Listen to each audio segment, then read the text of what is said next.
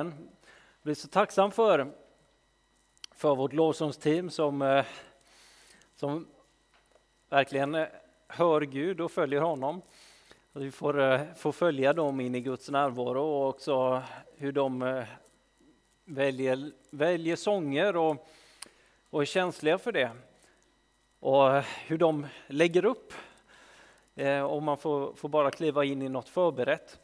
De sjunger om hur, eh, hur vi får vara i Guds närvaro och hur, hur i, i vår stress och, och, våra bekymmer så, så stannar vi kvar i, i Guds frid och i hans närvaro. Och idag ska vi tala om eh, redan nu men ännu inte. Och vi är en temaserie som handlar om en Guds rikes kultur där vi går igenom några olika eh, ja, grundläggande delar vad, hur en sån kultur kan se ut. Och herre, jag ber att du leder oss den här stunden, att du kommer med din uppenbarelse, med din frid, med din vishet. Och, och du, ja, du visar oss först och främst hur, hur ditt rike ser ut, Herre. Att du talar till oss, att du, du målar den bilden för oss, Herre. Vem du är och vad du, vad du har för oss. Vi tackar och prisar dig Jesus Kristus.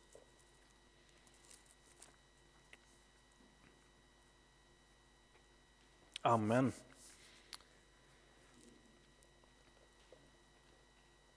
En teolog han säger så här om, eh, om det här uttrycket redan nu, ännu inte en som heter Derek Morphew. Han säger, det här har jag översatt själv så att ni får ta det lite med en nypa salt. Men, men ungefär så här säger han. Kristna är mystiska motsättningar. Vi lever i en ny värld samtidigt som vi befinner oss i, en pågående, i den pågående världen. Vi är nya människor förvandlade av nåd, men en, ändå brottas vi med köttet och behöver vara uppmärksamma så att vår gamla natur inte framträder. Bra, då kan vi gå vidare till nattvarden. Ja, men det är en bra sammanfattning ändå av eh, det tillstånd som vi lever i. Att, eh, att vi, har, vi har blivit insatta i Guds nya värld, i hans, hans nya tillvaro, den nya skapelsen som Jesus kommer och för in. Det som han, han säger, Guds rike är här. Guds rike är nära, nu har jag kommit med det. Det nya och genom vad han gör i sin tjänst, sitt försonande verk på korset och uppståndelsen, så får vi genom honom bli en del utav det. Genom tron på honom, genom, genom hans blod, så får vi, får vi vara en del utav den nya skapelsen, genom, vara en del av Guds rike. Vi får tillhöra det. Paulus talar om det här om och om igen, att vi är redan nu satta i himlen med Jesus. Vi är redan nu rättfärdiggjorda, vi är redan nu där med Jesus, vi tillhör honom, vi, vi finns där och vi, vi är nya skapelser och så vidare och så vidare och så vidare. Det är våran identitet.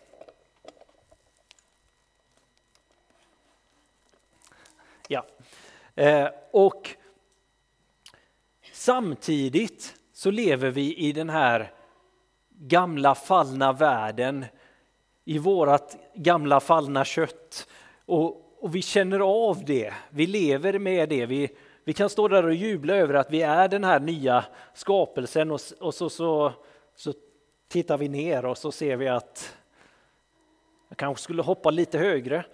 Eller sådär, jag, jag känner av min, min brist. Och, och så, och, då, och den spänningen lever vi Spänningen att Guds rike har brutit in och han kommer att proklamera att det är, det är här, det är sant, det är fullbordat som han säger på korset. Nu har det kommit. Men vi lever också i att det är någonting som ska komma och fullständigt bryta in när Jesus kommer tillbaka. När han kommer och alla knän ska böjas inför honom. Alla makter och eh, och härskare i himlarymderna som redan är besegrade men en dag ska bli tillintetgjorda, ska, bli, ska kastas i eldsjön. Liksom som, som nu fortfarande har inflytande, som, har, som eh, går runt som ett rytande lejon och försöker slita åt sig det som de kan. Det är både något som kommit och är nu, Guds rike, men som också kommer att komma. Och Det är där vi är. Och jag ska läsa ett, ett bibelord nu från eh, första Korintierbrevet kapitel 4, vers 7 och framåt. Och där är det Paulus som skriver det här brevet och han skriver ett ganska personligt brev. För han har skrivit första Korintierbrevet tidigare och det här är till eh, kyrkan i Korint.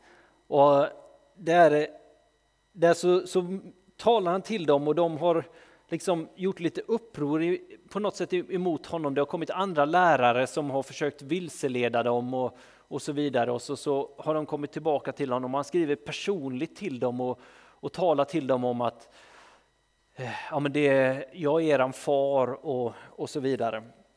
Och här i kapitel 4, vers 7 och framåt så, så talar han om, om Jesus, Guds rike, det som vi har fått ifrån honom. Och så säger han så här. Men denna skatt har vi i lerkärl för att den väldiga kraften ska vara Guds och inte komma från oss. Vi är ständigt trängda, men inte instängda.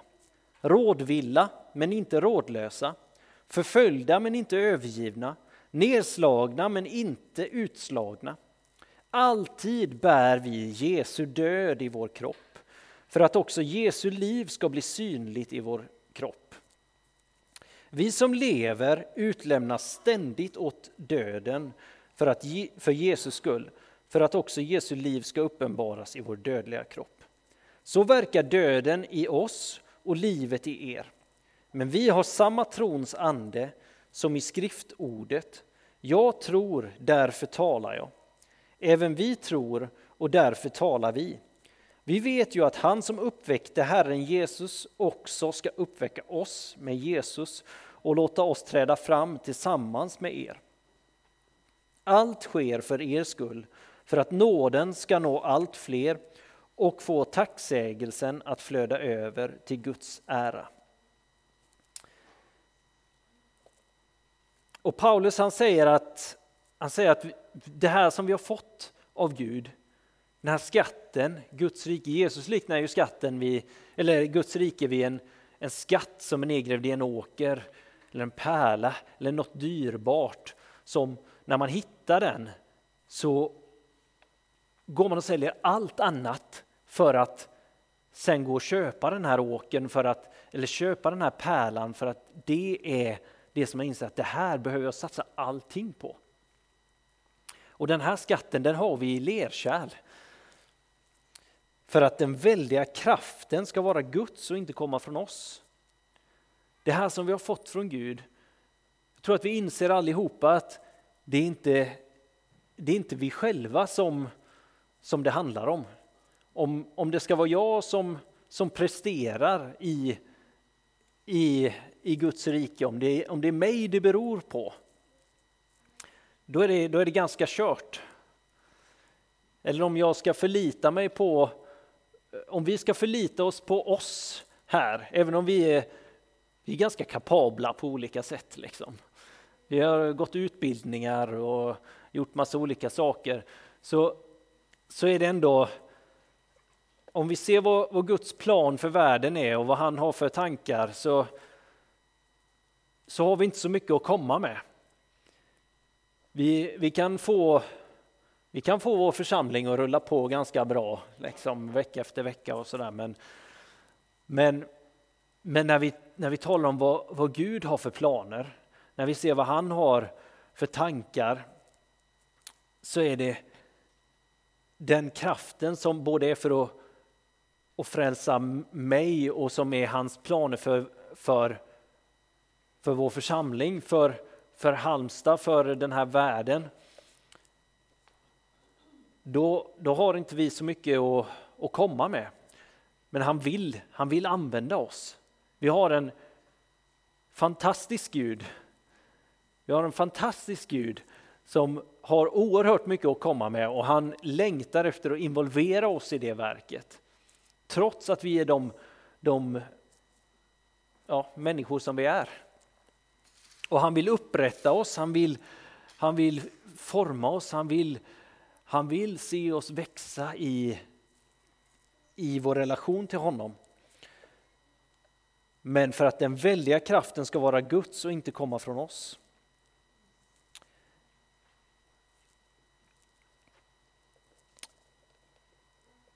Att leva i den här spänningen mellan att Guds rike har brutit in, Guds rike har kommit, Guds rike är här, men det är inte fullständigt här. Jesus har inte kommit tillbaka som kungen som upprättar allt och alla knän får böjas inför honom. Att leva i den spänningen, det är, det är inte så enkelt alltid. Vi funderar på varför händer inte detta? Varför ser jag inte det här just nu? Varför, hur mycket kan jag förvänta mig? Hur mycket ska jag förvänta mig för att beskydda mitt hjärta på något sätt? Och det, och jag, jag vet inte, ni har säkert brottats med den frågan, men, eh, men någonstans i det där så, så handlar det om förtröstan på, på Jesus. Är han den som han säger att han är? Och fortsätter vi läsa i den här texten så, så står det därför ger vi inte upp. Även om vår yttre människa bryts ner förnyas vår inre människa dag för dag. Vår nöd som är kortvarig och väger lätt bereder åt oss en väldig och överväldigande härlighet som väger tungt och varar för evigt. Vi riktar inte blicken mot det synliga utan mot det osynliga.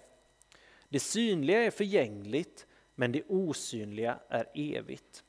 Och så fortsätter Paulus sen att, att rabbla på där om att vårt jordiska tält det rivs ner och, och så vidare. Men, men det som, som är poängen på något sätt är ändå att han har, sänt, han har fört oss in och satt oss som himmelska medborgare, som Guds barn. Han har gett oss en ny identitet, en ny position.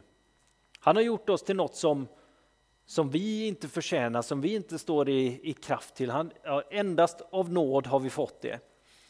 Och vi är sända som de representanterna in i världen i, för att vi har en, en mäktig Gud. En Gud som har all makt i himlen och på jorden och som, som backar upp oss. Och i det så, så lever vi med våra fel och brister, våra tillkortakommanden. Men vi får ta emot hans väldiga kraft. Vi får leva i hans väldiga kraft och ibland så kanske vi står där och upplever det som att oj, jag kan inte ens vara nära den här väldiga kraften för att jag, jag fattar inte vad som händer. Det, det är för mycket för mig. När han, när han fullständigt väller in med sin härlighet, sin ära, sin storhet. När Guds rike kommer och, och intar. Och ibland så står vi där och kanske känner att var tog det vägen? Nu är det bara torrt. Och så får vi, får vi leva i den, den spänningen.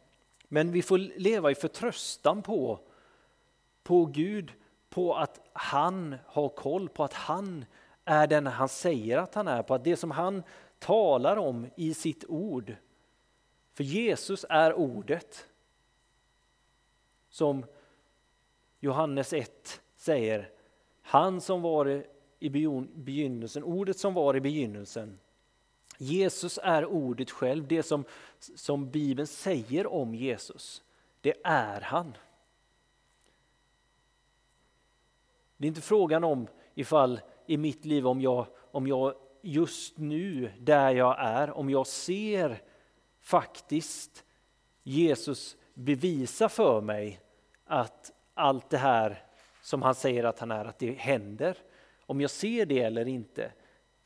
Jag förväntar mig det. Jag förväntar mig att Jesus är den han är och att jag vill se det. Han har lärt mig att be det. Låt ditt rike komma, låt din vilja ske på jorden så som i himlen. Och jag sträcker mig efter det, jag, jag ber om det, jag längtar efter det. Jag längtar efter att se Guds rike manifesterat i mitt liv, att Jesus får bli närvarande och tydlig. Nära mig, nära människor runt omkring mig. Att, att hans rike får gå fram, att hans härlighet får manifesteras. Men om jag inte ser det så förändrar inte det vem jag tror att han är. För att han har fortfarande sagt vem han är i sitt ord.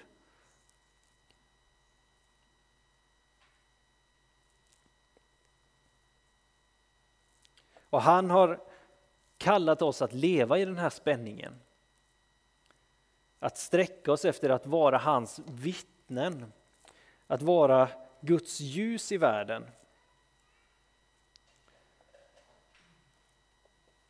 Och ofta tror jag kanske vi kämpar på. Vi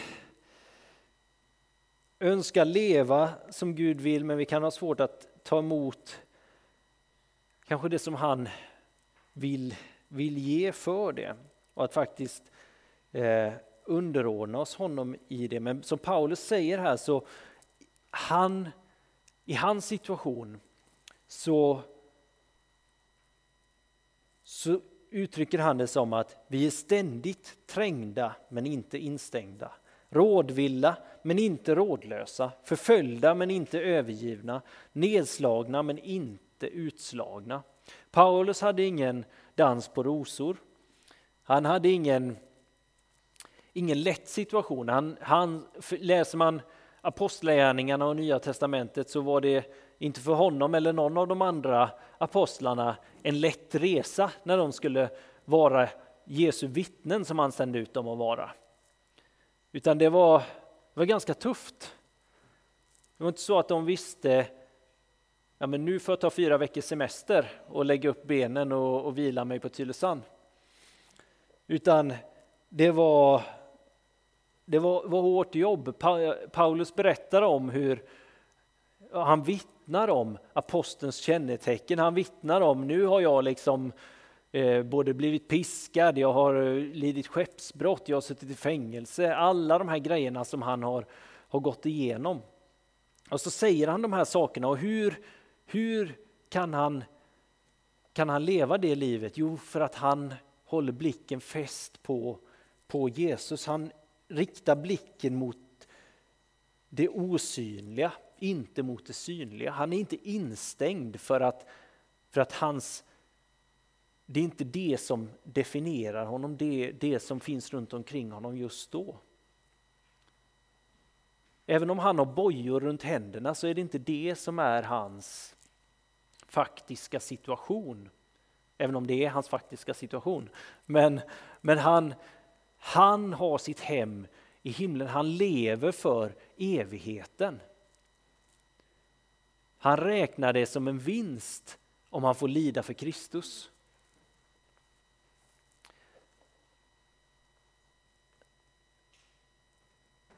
Jag kommer ihåg, för, för några veckor sedan så hade vi en arbetsdag med släkten hos min mormor som nu är över 80 år. Hon bor ute på landet i, i Kode utanför Kungälv. Och hon, eh, hon har ett, ett stort hus och en, en stor eh, tomt och sådär så att det var mycket som behövde göras. Och, och så var det en grej som hon sa, det här behöver ni göra liksom. Och det, det var ja, massa högt gräs som hon sa, ja, men det här, dra upp detta liksom och, och, och släng i, på komposten. Så började vi göra det och eh, så kom sen min, min bror efter ett tag och sa, ska ni inte ta grästrimmen till det här? Och så står man där och känner sig väldigt dum för att det var en jättebra idé när man hade jobbat på i en dryg timme och så. Och, och så, så, så börjar man argumentera med sig själv. Att oh, vi är ju nästan klara. Ska vi inte bara göra, jobba på som vi har gjort? Och sådär, men, men så sa vi i alla fall, äh, vi, tar, vi tar fram den. Vi visste inte ens att det fanns en grästrimmer, men vi, vi tog fram den och så började köra med den. Och helt plötsligt så märker man att ja, men det, här är ju, det här är ju sättet som man skulle göra det. Och helt plötsligt så börjar människor, alltså vi som gjorde det tillsammans, vi börjar också komma i rätt om man får säga så, rätt funktion.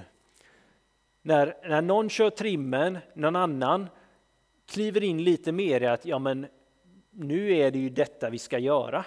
Eh, ta det där också, gör detta, gör detta och någon annan börjar plocka upp och lägga i, i skottkärran och kratta och, och sådär. Istället för att alla ligger på knä och, och, bara sliter gräs och sliter ut sina händer och, och sådär. Och, och det blir och det var, vi hade ju trevligt tillsammans innan också, men det, det var någonstans där att man får tänka på Bibelns berättelse lite det här förbannelsen från syndafallet när ni ska ja, i ett, jobba i ett anletes svett och, och sen så kommer den helige ande och kraften kommer in och människor kommer i sin rätta funktion på något sätt. Men för att komma dit så behövde vi på något sätt kunna ta till oss vägledningen och kunna känna att ja, även om det här var jobbigt att höra, även om den här rösten som kom utifrån som sa ska ni inte göra så här och man kände det här är pinsamt att vi inte kom på detta själva. Det, det är jobbigt, det är eh, vi kanske ska bara fortsätta så här i vår envishet. Eh, så, så blev det så mycket bättre när vi väl tog in den rösten. Och, och där tror jag det finns något, något för oss eh, i den här tiden, i den här spänningen mellan att Guds rike har brutit in, så finns det många områden i mitt eget liv och i vårt liv som Guds folk, där vi på något sätt fortsätter att jobba på, på den här världens sätt, även om vi kanske jobbar i rätt riktning. Där, ja, där, där, vi, där vi jobbar på i vårt anletes svett, så att säga. Där vi, där vi kanske inte använder det som, som Gud har gett oss. Där han vill, han vill komma in med sin, sin nåd, han vill, han vill komma in med sin kraft och, och lyfta upp oss. Och ibland så är det jobbigt att höra. Jag vet många gånger i mitt liv där, där jag liksom har, har kämpat på, men när Gud har kommit och satt sitt finger på på saker i mitt liv så, så är det, han gör ju det i sin, sin godhet, sin kärlek, sin nåd. Men, men det, det gör ont att höra det. Men när jag väl får kapitulera inför honom så blir det en sån frihet, en sån lättnad.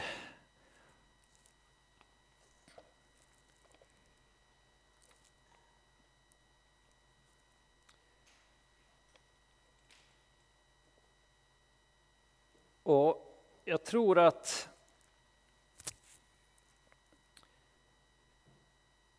ja, Jesus han kommer till lärjungarna och säger till, när han kallar dem, så säger han till dem Följ mig. Och i det så, det, det tror jag är på något sätt tilltalet till oss idag.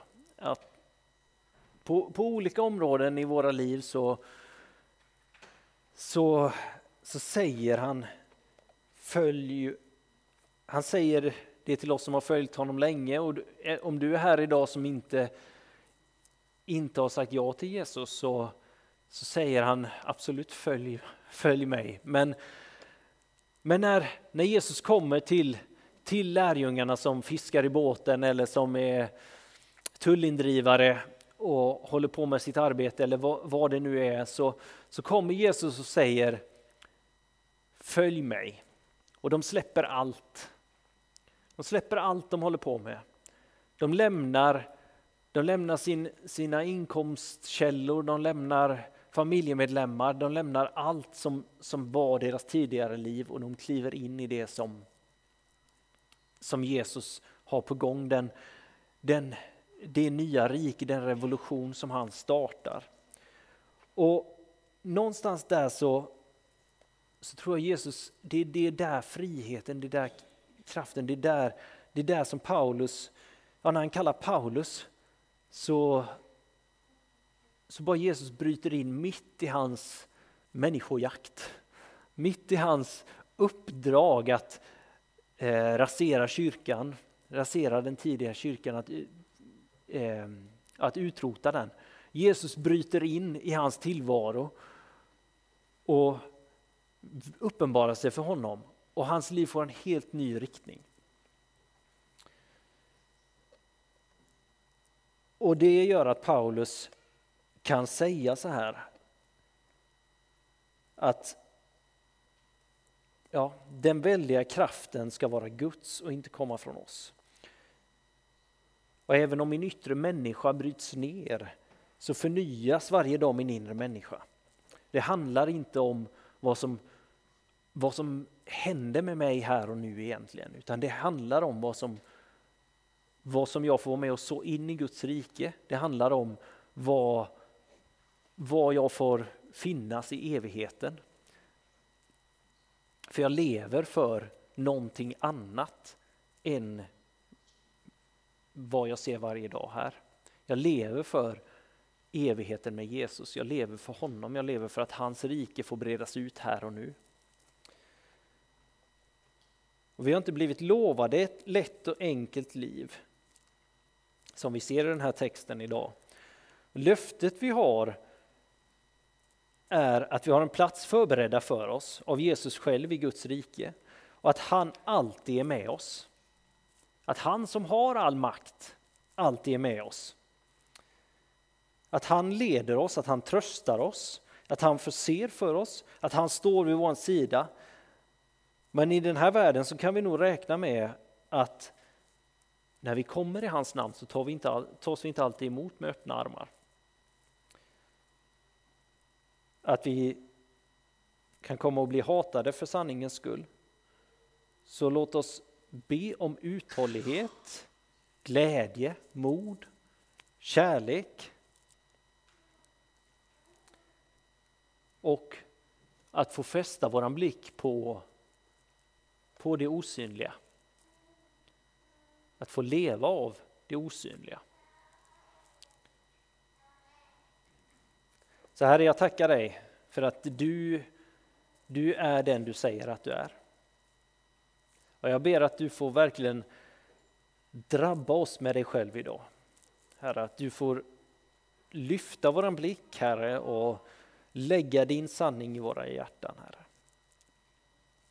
Kom helig Ande och, och fyll oss med, med dig själv, Herre. Och det är de situationer som vi kan känna oss ja, trängda i, instängda, rådvilla, förföljda eller övergivna i, eller utslagna, Herre. Jag ber att, jag ber att du kommer in i de situationerna och säger följ mig.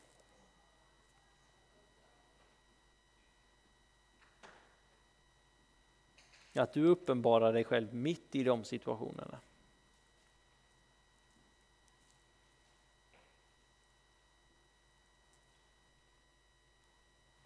Amen.